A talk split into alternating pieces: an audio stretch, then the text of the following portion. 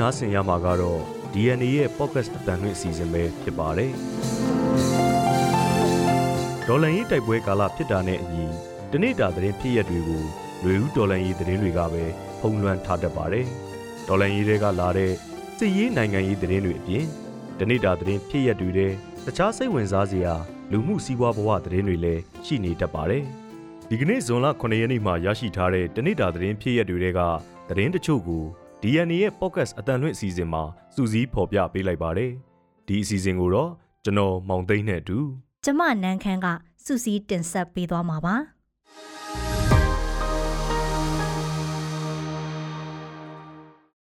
ပထမဦးဆုံးအနေနဲ့လီလီနိုင်ကျော်ကိုလှုပ်ကြံသူအဖြစ်ဆွဆွဲဖမ်းဆီးခံထားရသူရဲ့မိခင်နဲ့အမပြစ်ခတ်ခံရပြီးတေဆုံးနေဆိုတဲ့အကြောင်းကိုပြောပြပါမယ်။ အဆိုတော်လီလီနိုင်ကျော်ကိုတနက်နဲ့ပြစ်ခတ်လှုပ်ကြံရမှာပါဝင်သူတွေအဖြစ်စက်ကောင်ကြီးကဆွဆွဲဖမ်းဆီးထားသူနှစ်ဦးထဲကတဦးရဲ့မိခင်နဲ့အမဖြစ်သူတို့ဟာမနေ့ကညပိုင်းကနေအိမ်မှာပြစ်ခတ်ခံရပြီးတေဆုံးသွားတယ်လို့မိသားစုနဲ့နှိစက်တဲ့သူတွေစီကသိရပါဗျ။လီလီနိုင်ကျော်တည်ဆုံမှုနဲ့ပတ်သက်လို့ဖမ်းဆီးခံထားရသူနှစ်ဦးတွေကကိုကောင်းစာနီဟိန်းခေါ်လှပြည့်ဆိုသူရဲ့မိခင်နဲ့အမတို့ဟာ သူတို့နေထိုင်ရာရန်ကုန်တိုင်းထန်းတပင်မြို့နယ်ယူကြီးကျေးရွာအေးမြစ်တာလမ်းကနေအိမ်မှာပဲမနေ့ကညပိုင်းကပြစ်ခတ်ခံခဲ့ရတာပါနေအိမ်မှာပဲပြစ်ခတ်သက်ဖြတ်ခံရတဲ့သူတွေဟာမူကြိုးကြောင်းတစ်ခုဖွင့်လှစ်ထားတဲ့တားအမိနှစ်ဦးဖြစ်ပြီးသူတို့ကိုပြစ်ခတ်ခဲ့တဲ့သူတွေဟာမနေ့ကည6နာရီလောက်မှာအင်စည်းကားတစ်စီးနဲ့ရောက်လာခဲ့တာလို့အဲ့ဒီရက်ွက်အတွင်းနေထိုင်သူတွေကပြောပါတယ်။ကိုကောင်းစာနီဟိန်းမိခင်ဒေါ်သဲမာလာဝင်း အသက်42နှစ်နဲ့အမဖြစ်သူမက်ဆောင်သဇင်ဦးအသက်24နှစ်တို့ဟာ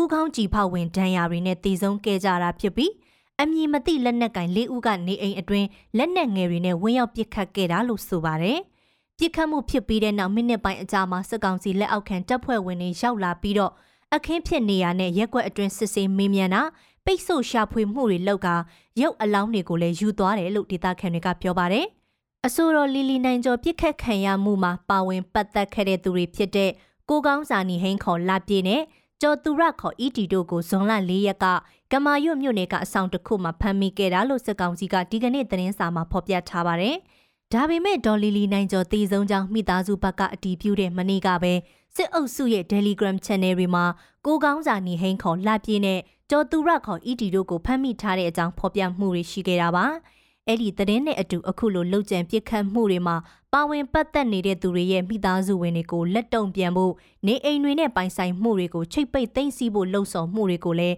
အဲ့ဒီ Telegram Channel တွေမှာရေးသားဖော်ပြကြတာတွေ့ရပါတယ်။ဒုတိယသတင်းတစ်ပုဒ်အနေနဲ့ဘူးဖျားမိုးကြိုးခလို့ထိခိုက်ပျက်စီးမှုတချို့ရှိခဲ့တဲ့သတင်းကိုပြောပြပေးပါမယ်။မန္တလေးတိုင်းညောင်ဦးမြို့နယ်မှာရှိတဲ့ရှေးဟောင်းယဉ်ကျေးမှုနယ်မြေပကံဒေသမှာမနေ့ကညပိုင်းမိုးရွာသွန်းခဲ့ပြီးမိုးကြိုးပစ်တာတွေလည်းရှိခဲ့ရမှာ ဘူးဖျားကိုမိုးကြိုးခခဲ့ပေမဲ့တပတ်အတွင်းပြုပြင်မယ်လို့ရှေးဟောင်းသူတေသနပညာရှင်တချို့ကပြောပါတယ်။ပကံမျိုးဟောင်း AR မြစ်ကမ်းဘေးမှာတည်ထားပြီးခီးသွွားဧည့်သည်တွေကြားထင်ရှားတဲ့ဘူးဖျားကိုမိုးကြိုးခခဲ့တာပထမအဦးဆုံးချိန်ဖြစ်တယ်လို့မိုးကြိုးကဇီဒီတော်ရဲ့ကိုလုံးတော်ကိုထိမှန်ခဲ့တာလို့ဒေသခံတွေကဆိုပါတယ်။အဲ့ဒီလိုမိုးကြိုးခခဲ့တာကြောင့်ဇေဒီတော်ရဲ့ကိုလုံးတော်ပတ်လည်မှာတလက်မခွဲအရွယ်အပေါက်ရာနှစ်ခုဖြစ်ပေါ်ခဲ့ပြီး ဇကာကွက်လိုအရာထင်တာဖြစ်ပေါ်ခဲ့တယ်လို့ပကံရှေးဟောင်းယဉ်ကျေးမှုနယ်မြေဌာနဆိုင်ရာအရာရှိတဦးကလူမှုကွန်ရက်မှာရေးသားထားပါတယ်။အဲ့ဒီတလက်မခွဲအရွယ်အနက်2စင်တီမီတာလောက်ရှိတဲ့အပေါက်နှစ်ပေါက်ကတော့ပြုပြင်ခြင်းလုပ်ငန်းတွေဆောင်ရွက်ဖို့ဩဝါဒစတိယဆရာတော်တွေစီကဩ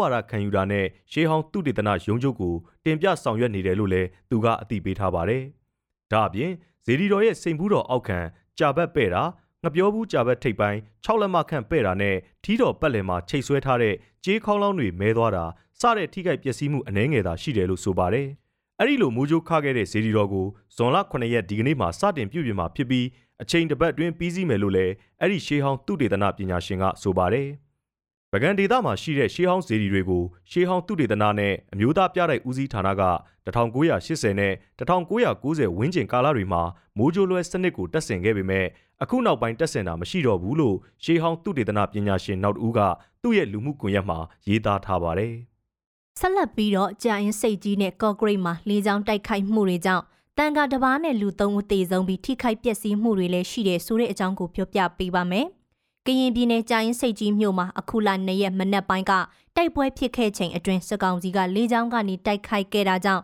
တန်ကာတပားနဲ့ကလေးတူအပါအဝင်အရက်သား3ဦးစုစုပေါင်း4ဦးသေဆုံးခဲ့တယ်လို့ကရင်အမျိုးသားအစည်းအရုံး KNU ကဒီကနေ့မှထုတ်ပြန်ပါတယ်။စစ်ကောင်စီကတိုက်ခတ်ရေးရဟတ်ရေးအုံပြုပြီးလက်နက်ကြီးတွေပစ်ခတ်ခဲ့တာကြောင့်ကြားအင်းစိတ်ကြီးမြို့အမှတ်3ရက်ကွက်ကန္နာဖုံးတော်ကြီးကျောင်းမှာသတင်းသုံးနေတဲ့တက်တော်46နှစ်အရွယ်ဦးစင်းတပါပြန်လွန်တော်မူခဲ့တယ်လို့အမှတ်6ရက်ကွက်မှာနေထိုင်တဲ့အသက်73နှစ်အရွယ်ကလေးတဦးအပါအဝင် အရက်သား3ဦးသေဆုံးခဲ့တာလို့သိရပါဗျ။ ဒါအပြင်အဲ့ဒီအမတ်6ရက်ကွက်မှာနေထိုင်တဲ့အရက်သားမိသားစုဝင်3ဦးလည်းပြင်းထန်ဒဏ်ရာတွေရထားပြီးစိုးရိမ်ရတယ်လို့ဆိုပါတယ်။ကျန်းအင်းစိတ်ကြီးမြို့ကစစ်အုပ်စုနဲ့တပ်ဆိုင်တဲ့နေရာတွေကိုဇွန်လ2ရက်မနက်ပိုင်းမှာ KNL ပူးပေါင်းတပ်တွေကစင်းနှင်းတိုက်ခိုက်ရာ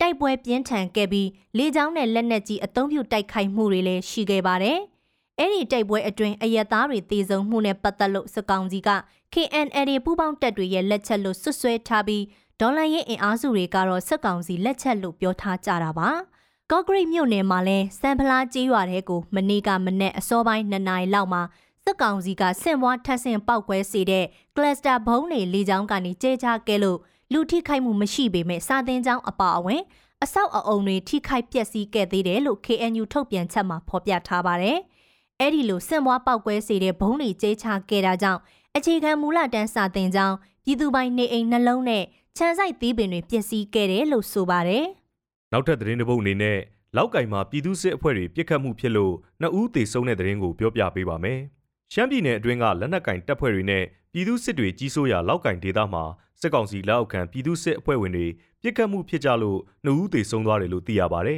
။လောက်ကင်မြို့နယ်ရွှေစင်မြို့မှာဇွန်လ6ရက်နေ့ကမနက်2နာရီကျော်မှာလက်နက်ကင်ထားသူတွေအပြန်လှန်ပြစ်ခတ်မှုဖြစ်ခဲ့ကြတာပါ။ အဲ့ဒီပြစ်ခတ်မှုရုပ်သံကိုမှတ်တမ်းတင်ထားတဲ့ CCTV ရုပ်သံမှတ်တမ်းတစ်ခုကိုလည်းကိုကန့်တပ်ဖွဲ့ MNDAA ရဲ့သတင်းထုတ်ပြန်ရေးလူမှုကွန်ရက်စာမျက်နှာဖြစ်တဲ့ The ကိုကန့် Facebook စာမျက်နှာကဖော်ပြထားတာတွေ့ရပါတယ်။အဲ့ဒီပြစ်ခတ်မှုဟာအကျိုးစီးပွားပြိပခတွေရှိနေတဲ့ပြည်သူစစ်အဖွဲ့တွေကြားပြစ်ခတ်မှုဖြစ်တယ်လို့လည်းဖော်ပြထားပါတယ်။ပြီးခဲ့တဲ့မေလ28ရက်နေ့ကလည်းလောက်ကင်မြို့တွင်းမှာနေလေကောင်လူမြင်ကွင်းမှာပဲရဲဝစ်စုံဝတ်ထားသူတွေနဲ့အရက်ဝစ်လက်နက်ကင်တွေကြားပြစ်ခတ်မှုဖြစ်ခဲ့ပါသေးတယ်။ အဲ့ဒီပြစ်ခတ်မှုမှာတော့ရဲဝစ်စုံဝစ်ထားသူတူတေဆုံးခဲ့ပြီးတေဆုံးသူဟာရဲအတုလို့ဒေသခံတွေကပြောကြတာမျိုးလည်းရှိပါတယ်။ကိုကန့်တက် MNDAA ကမနေ့ကဖြစ်ခဲ့တဲ့ပြစ်ခတ်မှုကိုဖော်ပြရမှာလဲလောက်ကင်ဒေသမှာပြည်သူစစ်အဖွဲ့တွေကြားအကျိုးစီးပွားပြိပခတွေကြောင့်ပြစ်ခတ်မှုတွေမကြာခဏဖြစ်လေရှိတယ်လို့ထည့်သွင်းဖော်ပြထားပါတယ်။ကိုကန့်တက်နဲ့တိုက်ပွဲတွေမှာစကောင်စီဖက်ကတေးဆုံးထိခိုက်သူများတယ်လို့ MNDAA ပြောတယ်ဆိုတဲ့အကြောင်းကိုပြောပြပေးပါမယ်။ တရုတ်နိုင်ငံရဲ့အကြောင်းဝင်ညှိနှိုင်းပေးမှုအရအခုလဆန်းပိုင်းမှာတွေ့ဆုံဆွေးနွေးခဲ့ကြပြီးမဲ့စက်ကောင်စီနဲ့ကိုကန့်လက်နက်ကင်တက် MNDAA တို့ဟာအဲ့ဒီဆွေးနွေးပွဲလုပ်နေချိန်ကာလကစလို့တိုက်ပွဲတွေဆက်တိုက်ဖြစ်ခဲ့ကြပြီးဒီတိုက်ပွဲတွေမှာစက်ကောင်စီဘက်ကအထိနာတယ်လို့ MNDAA ကထုတ်ပြန်ပါတယ်။စက်ကောင်စီတက်နဲ့စက်ကောင်စီလက်အောက်ခံပြည်သူစစ်အဖွဲ့ဟာအခုလတရက်မှာအင်အား80လောက်နဲ့ MNDAA တပ်ဖွဲ့လှုပ်ရှားဒေသတွေဝင်ရောက်လာပြီး စတင်ထိုးစစ်ဆင်လာတာကြောင့်တိုက်ပွဲဖြစ်ခဲ့တာလို့ဆိုပါတယ်။တိုက်ပွဲဖြစ်တဲ့နေရာဟာရှီရှန်ဒေသ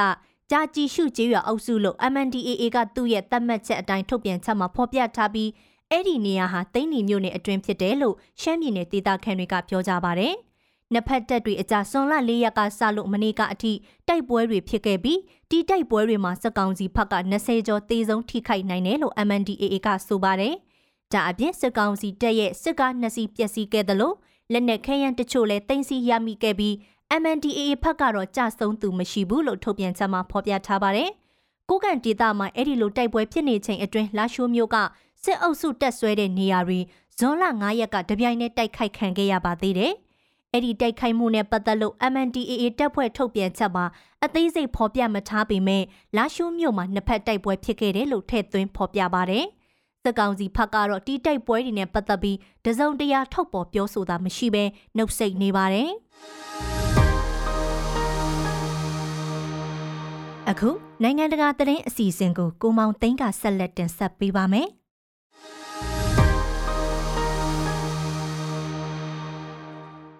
ယူကရိန်းမှာအကြီးစားရေလောင်တမန်ကြီးကျိုးပေါက်မှုနဲ့ပတ်သက်လို့ရုရှားနဲ့ယူကရိန်းအစိုးရတွေကအပြန်အလှန်ဆွဆွဲအပြစ်တင်နေချိန် ထောင်တောင်းချီတဲ့ဒေသခံတွေကအရေးပေါ်ရွှေ့ပြောင်းမှုတွေလှုပ်ဆောင်နေရပါတယ်။ယူကရိန်းတောင်ပိုင်းခါကစ်ပြည်နယ်ကရုရှားထိန်းချုပ်ထားရာဧရိယာထဲမှာရှိတဲ့ Nova Kaphov က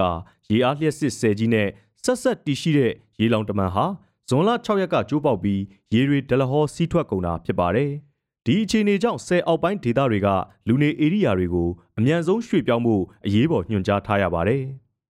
Nova Kaphov ကဆယ်ကြီးဟာအိမ်နီးချင်းဇာပေါ့ရစ်ဇီယာပြည်နယ်ထဲမှာတည်ရှိတဲ့နျူကလ িয়ার ဓာတ်အားပေးစက်ရုံကြီးရဲ့တပ်ပေါင်းဘူတွေအတွက်ရေနဲ့အေးအေးပေးတဲ့စနစ်ကိုလည်းအဓိကထောက်ပံ့ပေးနေတဲ့အခြေခံအဆောက်အုံတစ်ခုဖြစ်ပါတယ်။ရေကာတာကျိုးပေါက်မှုကြောင့်လောလောဆယ်တပ်ပေါင်းဘူတွေမှာစိုးကျိုးတစုံတရာတက်ရောက်တဲ့အခြေအနေတော့မတွေ့ရသေးပါဘူး။ဒါပေမဲ့ကြေးရွာတွေနဲ့စိုက်ခင်းဧရိယာတွေအများပြားကတော့ရေလွှမ်းမိုးပြီးပျက်စီးမှုတွေကြုံနေရပါပြီ။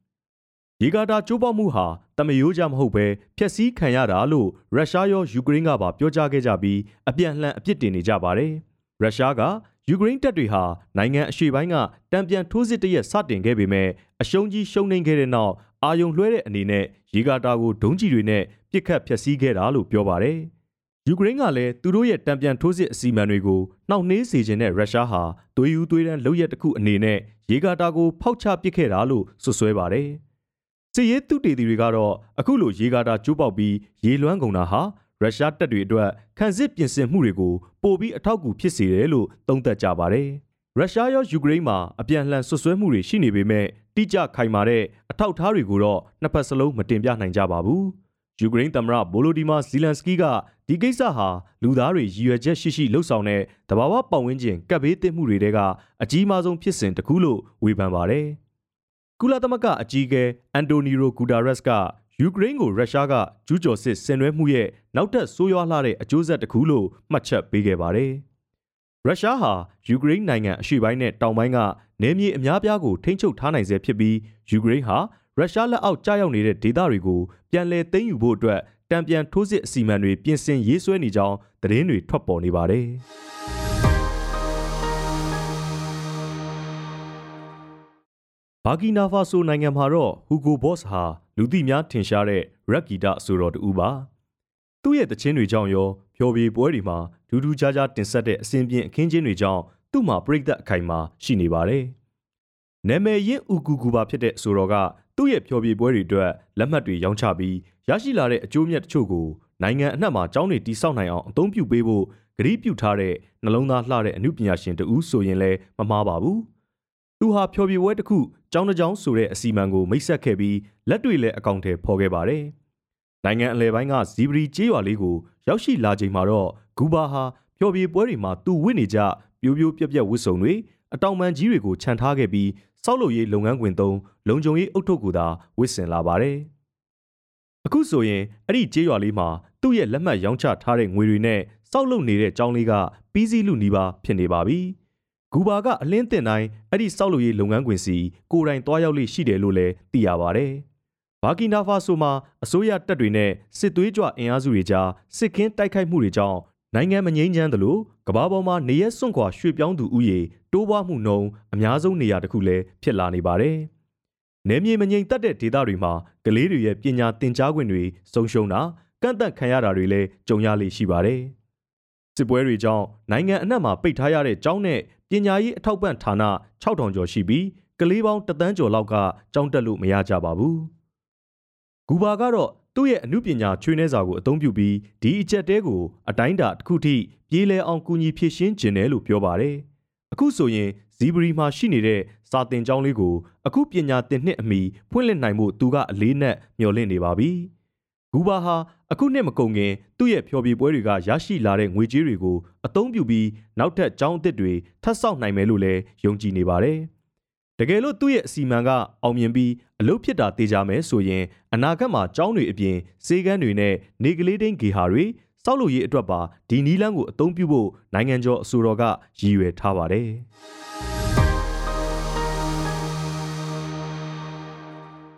အမေရိကန်ကိုကမ္ဘာထိပ်တန်းအဆင့်1နိုင်ငံတစ်ခုအဖြစ်ဆွဲတင်ခဲ့ရမှာရေတပ်ရဲ့အခန်းကဏ္ဍကထိတ်ဆုံးကပါဝင်ခဲ့ပါတယ်။ဒုတိယကမ္ဘာစစ်နောက်ပိုင်းကမ္ဘာသမုဒ္ဒရာကြီး၄စင်းမှာရေတက်မကြီးတွေဖြန့်ကျက်ထားနိုင်ခြင်းကအမေရိကန်ကိုကမ္ဘာပေါ်မှာဩဇာအကြီးမားဆုံးနိုင်ငံဖြစ်တွန်းပို့ပေးခဲ့ပါတယ်။ဒါပေမဲ့ဆယ်စုနှစ်အတော်များများကမ္ဘာအင်အားအတောင့်တင်းဆုံးအဖြစ်ရပ်တည်နိုင်ခဲ့တဲ့အမေရိကန်ရေတပ်ဟာအခုအခါမှာတော့အဲ့ဒီဂုံပုတ်ကိုစွန့်လွတ်ခဲ့ရပြီးပါပြီ။ဒါအပြင် ကမ္ဘာပေါ်မှာနီးပညာအမြင့်ဆုံးရေတပ်အဖြစ်ဆက်လက်ရပ်တည်နိုင်ဖို့ကိုတောင်မဟာပြိုင်ဘက်တရုတ်ရဲ့အပြင်းထန်ဖိအားပေးစိန်ခေါ်ခြင်းကိုခံနေရပြီဖြစ်ပါတယ်။ပြီးခဲ့တဲ့နှစ်ပိုင်းတွေမှာကတည်းကတရုတ်ဟာကမ္ဘာပေါ်မှာအကြီးမားဆုံးရေတပ်ကိုပိုင်ဆိုင်လာပါတယ်။တောင်တရုတ်ပင်လယ်နဲ့အင်ဒိုပစိဖိတ်ရပ်ဝန်းတွေမှာတရုတ်ရေတပ်ရဲ့လက်တံတွေပုံမူဖြန့်ကျက်လာတာကိုတံပြန်ဖို့အမေရိကန်ရေတပ်ဟာလုံလောက်တဲ့အင်အားရှိပါမလားဆိုတာက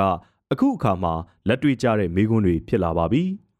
လောလောဆယ်တရုတ်ရေတပ်မှာစစ်သင်္ဘောအစီး350ဝန်းကျင်လောက်ရှိမယ်လို့ခန့်မှန်းရပြီးအမေရိကန်ရေတပ်မှာတော့သင်္ဘောအစီး300မပြည့်ပါဘူး။အမေရိကန်ဟာကမ္ဘာပေါ်မှာအကြီးဆုံးစစ်သင်္ဘောတွေဖြစ်တဲ့နျူကလ িয়ার စွမ်းအင်သုံးလေယာဉ်တင်သင်္ဘောကြီးတွေပိုင်ဆိုင်ထားတဲ့တိုင်ရေရှည်မှာအင်အားတာလွန်တဲ့ရေတပ်ကအသာစီးရဖို့အခွင့်အလမ်းပိုတာတယ်ဆိုတာတမိုင်းကြောင်းသင်ခန်းစာတွေအရနားလည်ထားဖို့လိုပါတယ်။ဒီနေရာမှာသင်္ဘောတိဆောက်နိုင်စွမ်းကအလွန်အရေးကြီးတဲ့ညွှန်ကိန်းမျိုးဖြစ်လာပါတယ်။ ဒုတိယကမ္ဘာစစ်စတင်ချိန်ကဂျပန်နဲ့အမေရိကန်ဟာလေယာဉ်တင်သင်္ဘောအရေးအတွက်အတူတူပဲပိုင်ဆိုင်ခဲ့ပါတယ်။ဒါပေမဲ့စစ်ပွဲမှာနစ်မြုပ်သွားတဲ့အရေးအတွက်ကိုဂျပန်ကအလင်းမီအောင်ပြန်မဖြည့်နိုင်ခဲ့ဘူး။အမေရိကန်ကတော့တနိုင်ငံလုံးကသင်္ဘောချင်းတွေမှာလေယာဉ်တင်သင်္ဘောတစ်တွေတိစောက်ပြီးတာဝေးပြေးပွဲမှာပြိုင်ဘက်ကိုထိုးနှက်နိုင်ခဲ့တယ်။အခုတော့တရုတ်ရေတပ်ဟာအမေရိကန်ထက်သင်္ဘောတိစောက်နိုင်စွမ်း၃ဆလောက်ပိုမြင့်နေပြီလို့အမေရိကန်ကာကွယ်ရေးသုတေသီတွေကယူဆနေပါတယ်။ အမေရိကန်ကနီးပညာပိုင်းမဟာမိတ်ရေတပ်တွေနဲ့ပူးပေါင်းစစ်ရေးလေ့ကျင့်မှုအပိုင်းတွေမှာတိတိတသာပိုအားကောင်းနေစေဖြစ်ပေမဲ့တရုတ်ရေတပ်ရဲ့ကြီးထွားမှုကိုတွေးမပူလို့မရတော့တာအမှန်ပါပဲ။လေးလာသူတွေကတရုတ်ရေတပ်ဟာနောက်နှစ်နှစ်လောက်အတွင်းရေရင်အစီး400လောက်ပိုင်ဆိုင်လာနိုင်တယ်လို့ခန့်မှန်းထားပြီးအမေရိကန်ရေတပ်ကတော့သင်္ဘောအစီး350လောက်လက်ဝယ်ရရှိဖို့2035ခုနှစ်ထိစောင့်ရမယ့်အနေအထားရှိနေပါတယ်။ အမေရိကန်ရဲ့သင်္ဘောချင်းတွေဟာထုတ်လုပ်မှုစွမ်းအင်မှာတရုတ်ကိုမရှင်နိုင်တော့ပါဘူး။ဒီတော့လွှတ်တော်အမတ်တွေအပါအဝင်ဒီပြဿနာကိုတွေးပူသူတချို့ကစိတ်ကူးသစ်တစ်ခုကိုတင်ပြလာပါတယ်။အမေရိကန်ရဲ့အာရှမဟာမိတ်တွေဖြစ်တဲ့တောင်ကိုရီးယားနဲ့ဂျပန်တို့ဟာဘီသူကနိပညာအဆင့်မြင့်တဲ့အပြင်ရေတပ်သင်္ဘောတွေတိစောက်မှုအပိုင်းမှာလည်းနာမည်ကောင်းရထားပါတယ်။ဒါကြောင့်အဲ့ဒီနှစ်နိုင်ငံရဲ့သင်္ဘောချင်းတွေမှာအမေရိကန်စစ်သင်္ဘောတွေတိစောက်ဖို့ညှိနှိုင်းတင်တယ်ဆိုတာပါပဲဒါမှမဟုတ် အဲ့ဒီနိုင်ငံတွေစီကစစ်သင်္ဘောတွေဝယ်ယူဖို့လဲစဉ်းစားကောင်းစဉ်းစားတင်ပါတယ်ဒီအကြံကအတော်လေးကောင်းပေမဲ့အဟန့်တားတွေအများကြီးပါအမေရိကန်ရဲ့ဖွဲ့စည်းပုံဥပဒေမှာကာကွယ်ရေးဆိုင်ရာကန့်သတ်ချက်တွေအရရေတပ်သင်္ဘောတွေကိုမဟာမိတ်တွေဖြစ်အောင်တော့ဘယ်ပြည်ပနိုင်ငံကမှဝယ်ယူခွင့်မရှိပါဘူးနောက်ပြီးအမေရိကန်ရဲ့ရေတပ်သင်္ဘောတွေကိုလည်းပြည်ပသင်္ဘောချင်းတွေမှာတိစောက်ခွင့်မပြုပါဘူး။အမေရိကန်ဟာစစ်ရေးနည်းပညာနဲ့ပတ်သက်ရင်တအားထိလွယ်ရှလွယ်ရှိတဲ့နိုင်ငံတစ်ခုဖြစ်တာကြောင့် ဒီကိစ္စမျိုးမှာလေးလေးနက်နက်ကန့်သက်ချက်တွေထားရှိပါတယ်။အခုတော့တရုတ်ရေတပ်ရဲ့အင်အားကိုအမိလိုက်ဖို့အတွက်တချို့သဘောထားတွေကိုပြောင်းလဲပြင်လွယ်ဖြစ်အောင်ပြန်သုံးသပ်သင့်ပြီဆိုတဲ့ထောက်ပြမှုတွေရှိလာပါတယ်။တရုတ်ရေတပ်ဟာခြုံပြီးကြည့်ရင်အမေရိကန်ကိုနီးပညာပိုင်းအမိမလိုက်နိုင်ဘူးလို့သတ်မှတ်နိုင်ပေမဲ့အပြတ်သက်ကြံနေတာလို့တော့ short တွက်လို့မရပါဘူး။ဥပမာတရုတ်ရေတပ်ဟာ သူတို့ရဲ့ Type 055အမျိုးအစားဖြတ်သင်းမောအသစ်တွေမှာနီးပညာပိုင်းအတက်နိုင်ဆုံးအဆင့်မြင့်တင်လာတာကိုညင်းလို့မရပါဘူး။တစ်ဖက်မှာလည်းတောင်ကိုရီးယားရဲ့စီဂျောင် the Great ဖြတ်သင်းမောဟာအမေရိကန်ရောတရုတ်ရဲ့လက်ရှိအသုံးပြုနေတဲ့ထိတ်တန်းဖြတ်သင်းမောတွေကိုကောင်းကောင်းရှင်နိုင်တယ်လို့နာမည်ရနေပါတယ်။နောက်ပြီးဂျပန်ကထုတ်လုပ်တဲ့ frigate စစ်သင်္ဘောအမျိုးအစားမိုဂါမီတွေကလည်းအမေရိကန်ရေတပ်ရဲ့စံနှုန်းတွေကိုကောင်းကောင်းလိုက်မိမဲ့ထိတ်တန်းစစ်ရေရင်တွေဖြစ်ပါတယ်။ တကယ်သာထဲထဲဝင်ဝင်ညှိနှိုင်းကြမယ်ဆိုရင်အဲ့ဒီစစ်သင်္ဘောတွေကတရုတ်ကိုအမိလိုက်ဖို့အမေရိကန်ရေတပ်ရဲ့အရေးအတွက်ပိုင်းအားနည်းချက်ကိုကောင်းကောင်းကူညီဖာထေးပေးနိုင်ပါတယ်။တရုတ်ဟာသူတို့ရဲ့ခေတ်မီဆုံးဖြတ်သင်္ဘောဖြစ်တဲ့ Type 055တွေဟာ2014မှာစတင်တိစောက်ခဲ့ပြီးလောလောဆယ်မှာတင်ရှစ်စီးမြောက်ကိုတက်တော်ဝင်စေခဲ့ပါပြီ။အမေရိကန်ရေတပ်ရဲ့နည်းပညာအမြင့်ဆုံး Swanward ဖြတ်သင်္ဘောတွေကိုတရုတ်ထက်9နှစ်စောပြီးစတင်တိစောက်ခဲ့ပါတယ်။ အခုလောလောဆယ်ရေတပ်ကနှစ်စီးပဲပိုင်ဆိုင်ပါသေးတယ်။ဒီအခြေအနေကိုကြည့်ရင်တရုတ်နဲ့အမေရိကန်ရေတပ်တွေကြားသင်္ဘောတိစောက်နိုင်စွမ်းဘလောက်ကွာဟသွားပြီလဲဆိုတာအလွယ်တကူမြင်နိုင်ပါတယ်။တချို့အနောက်တိုင်းစစ်ရေးပါရဂူတွေကတော့ Type 055တွေဟာကဏ္ဍပေါင်းစုံခြုံကြည့်ရင်တောင်ကိုရီးယားရဲ့စီကြောင်တွေကိုမမီဘူးလို့ယူဆကြပါတယ်။စီကြောင်တွေက Type 055တွေထက်အရွယ်နည်းနည်းပိုသေးပေမဲ့ပြစ်အားအများကြီးပိုသာပါတယ်။ရေပြင်ကနေဝေဟင်ပစ်စစ်လက်နက်တွေ ရေငုပ်သင်္ဘောဖြတ်နည်းပညာတွေမြေပြင်နဲ့ရေပြင်ပြစ်မှတ်တွေကိုတိတိကျကျချိန်မုံနိုင်တဲ့ cruise ပဲ့ထိန်ဒုံးကြီးတွေကိုစီကြောင်တွေမှာတပ်ဆင်ထားပါတယ်။ပထမဆုံးစီကြောင်တစည်းရဲ့ဦးစီးမှုတာဝန်ယူခဲ့ဘူးသူအငိမ့်စားတေနာပတိဒုတ်ကီကင်ကတော့စီကြောင်တွေဟာ Type 055တွေထက်ပိုတာတယ်လို့အာမခံခဲ့ပါတယ်။တရုတ်ရေတပ်ဟာပြိုင်ဘက်တွေကိုရှင်ရမှာအရေးအတွက်ကိုသာဦးစားပေးနေရတာကြောင့်ရေရင်တွေရဲ့အရေးသွေးပိုင်းကိုအပြည့်အဝအာရုံမစိုက်နိုင်ဘူးလို့သူကဆိုပါတယ်။ ဂျပန်မှာလည်းကမ္ဘာထိပ်တန်းအဆင့်ဖြတ်သင်းမောတွေ free gate စစ်သင်းမောတွေရှိနေပြီးရှီယွန်းဆက်ထက်ပုံမတိဆောက်နိုင်တဲ့စွမ်းရည်ပါပိုင်ဆိုင်ထားတယ်လို့လန်ဒန်မြို့ဘရင်ကောလိပ်ကစစ်ရေးနဲ့မဟာဗျူဟာပေါမောက်ကအလက်စီရိုပါတာလာနိုကပြောကြားခဲ့ပါတယ်။ဂျပန်ရဲ့နောက်ဆုံးထုတ်မာယာဖြတ်သင်းမောတွေဟာဒုံခွင်းဒုံတွေရင်ငုတ်သင်းမောဖြတ်ဒုံးကြီးတွေတက်ဆင်ထားပြီးကမ္ဘာလေထုအပြင်ဘက်ကနေချင်းကပ်ပြန်တန်းလာတဲ့တိုက်ချင်းပစ်ဒုံးကြီးတွေကိုတောင်ပစ်ချနိုင်စွမ်းရှိတယ်လို့ယုံကြည်ရပါတယ်။ နောက်ဆုံးမေးခွန်းထုတ်စရာတစ်ခုရှိပါတယ်။တောင်ကိုရီးယားနဲ့ဂျပန်ကသင်္ဘောချင်းတွေဟာတရုတ်ရေတပ်ရဲ့ထုတ်လုပ်မှုစွမ်းအားကိုရှင်နိုင်မလားဆိုတာပါ။အဖြေကတော့မဖြစ်နိုင်ပါဘူး။ကာကွယ်ရေးအသုံးစရိတ်ကန့်သက်ချက်နဲ့တခြားအတားအဆီးတွေတော်တော်များများရှိနိုင်တယ်လို့အဲ့ဒီနှစ်နိုင်ငံရဲ့ရေတပ်တွေကလည်းတရုတ်လိုမျိုးသင်္ဘောတွေအများကြီးချဲ့ထွင်တိစောက်ဖို့ရည်ရွယ်မထားပါဘူး။ဒါပေမဲ့အဲ့ဒီနှစ်နိုင်ငံပေါင်းသင်္ဘောချင်းတွေကိုအားကိုးမယ်ဆိုရင်အမေရိကန်ရဲ့လက်ရှိပြဿနာကိုတော့တိတိတသားပြေလည်သွားစေဖို့အတော်လေးယာကင်နှုံများပါတယ်။ အမေရိကန်ဟာကမ္ဘာပေါ်မှာခေတ်မီဆုံးကြီးရည်လေမရိန်းတပ်ဖွဲ့တွေကိုပိုင်ဆိုင်ထားဆဲဖြစ်တယ်လို့နှစ်စဉ်ကာကွယ်အသုံးစရိတ်ကလည်းကမ္ဘာနံပါတ်1နေရာမှာရှိနေသေးပါ။ဒါပေမဲ့အသုံးစရိတ်ဘလောက်များများစစ်သင်းမောတွေကိုပြိုင်ဘက်တရုတ်ရဲ့မြန်နှုံးအတိုင်းအလင်းမီအောင်မတိဆောက်နိုင်ဘူးဆိုရင်တော့နှစ်ပေါင်းများစွာဩဇာအကြီးမားဆုံးရေတပ်ဖွဲ့ကိုပိုင်ဆိုင်ခဲ့တဲ့အမေရိကန်ရဲ့ဂုံပုတ်ဟာနှစ်အနည်းငယ်အတွင်းမေးမိန်ပျောက်ကွယ်သွားတော့မှာဖြစ်ပါတယ်။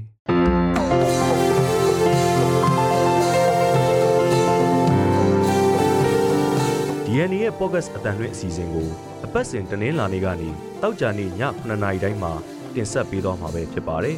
။ဒီအစီအစဉ်ကိုတော့ DNA ရဲ့ Facebook Page ကနေအပြင် Anchor, Spotify နဲ့ Google Podcast တို့တွေကနေတဆင့်လဲနားဆင်နိုင်ပါတယ်ခင်ဗျာ။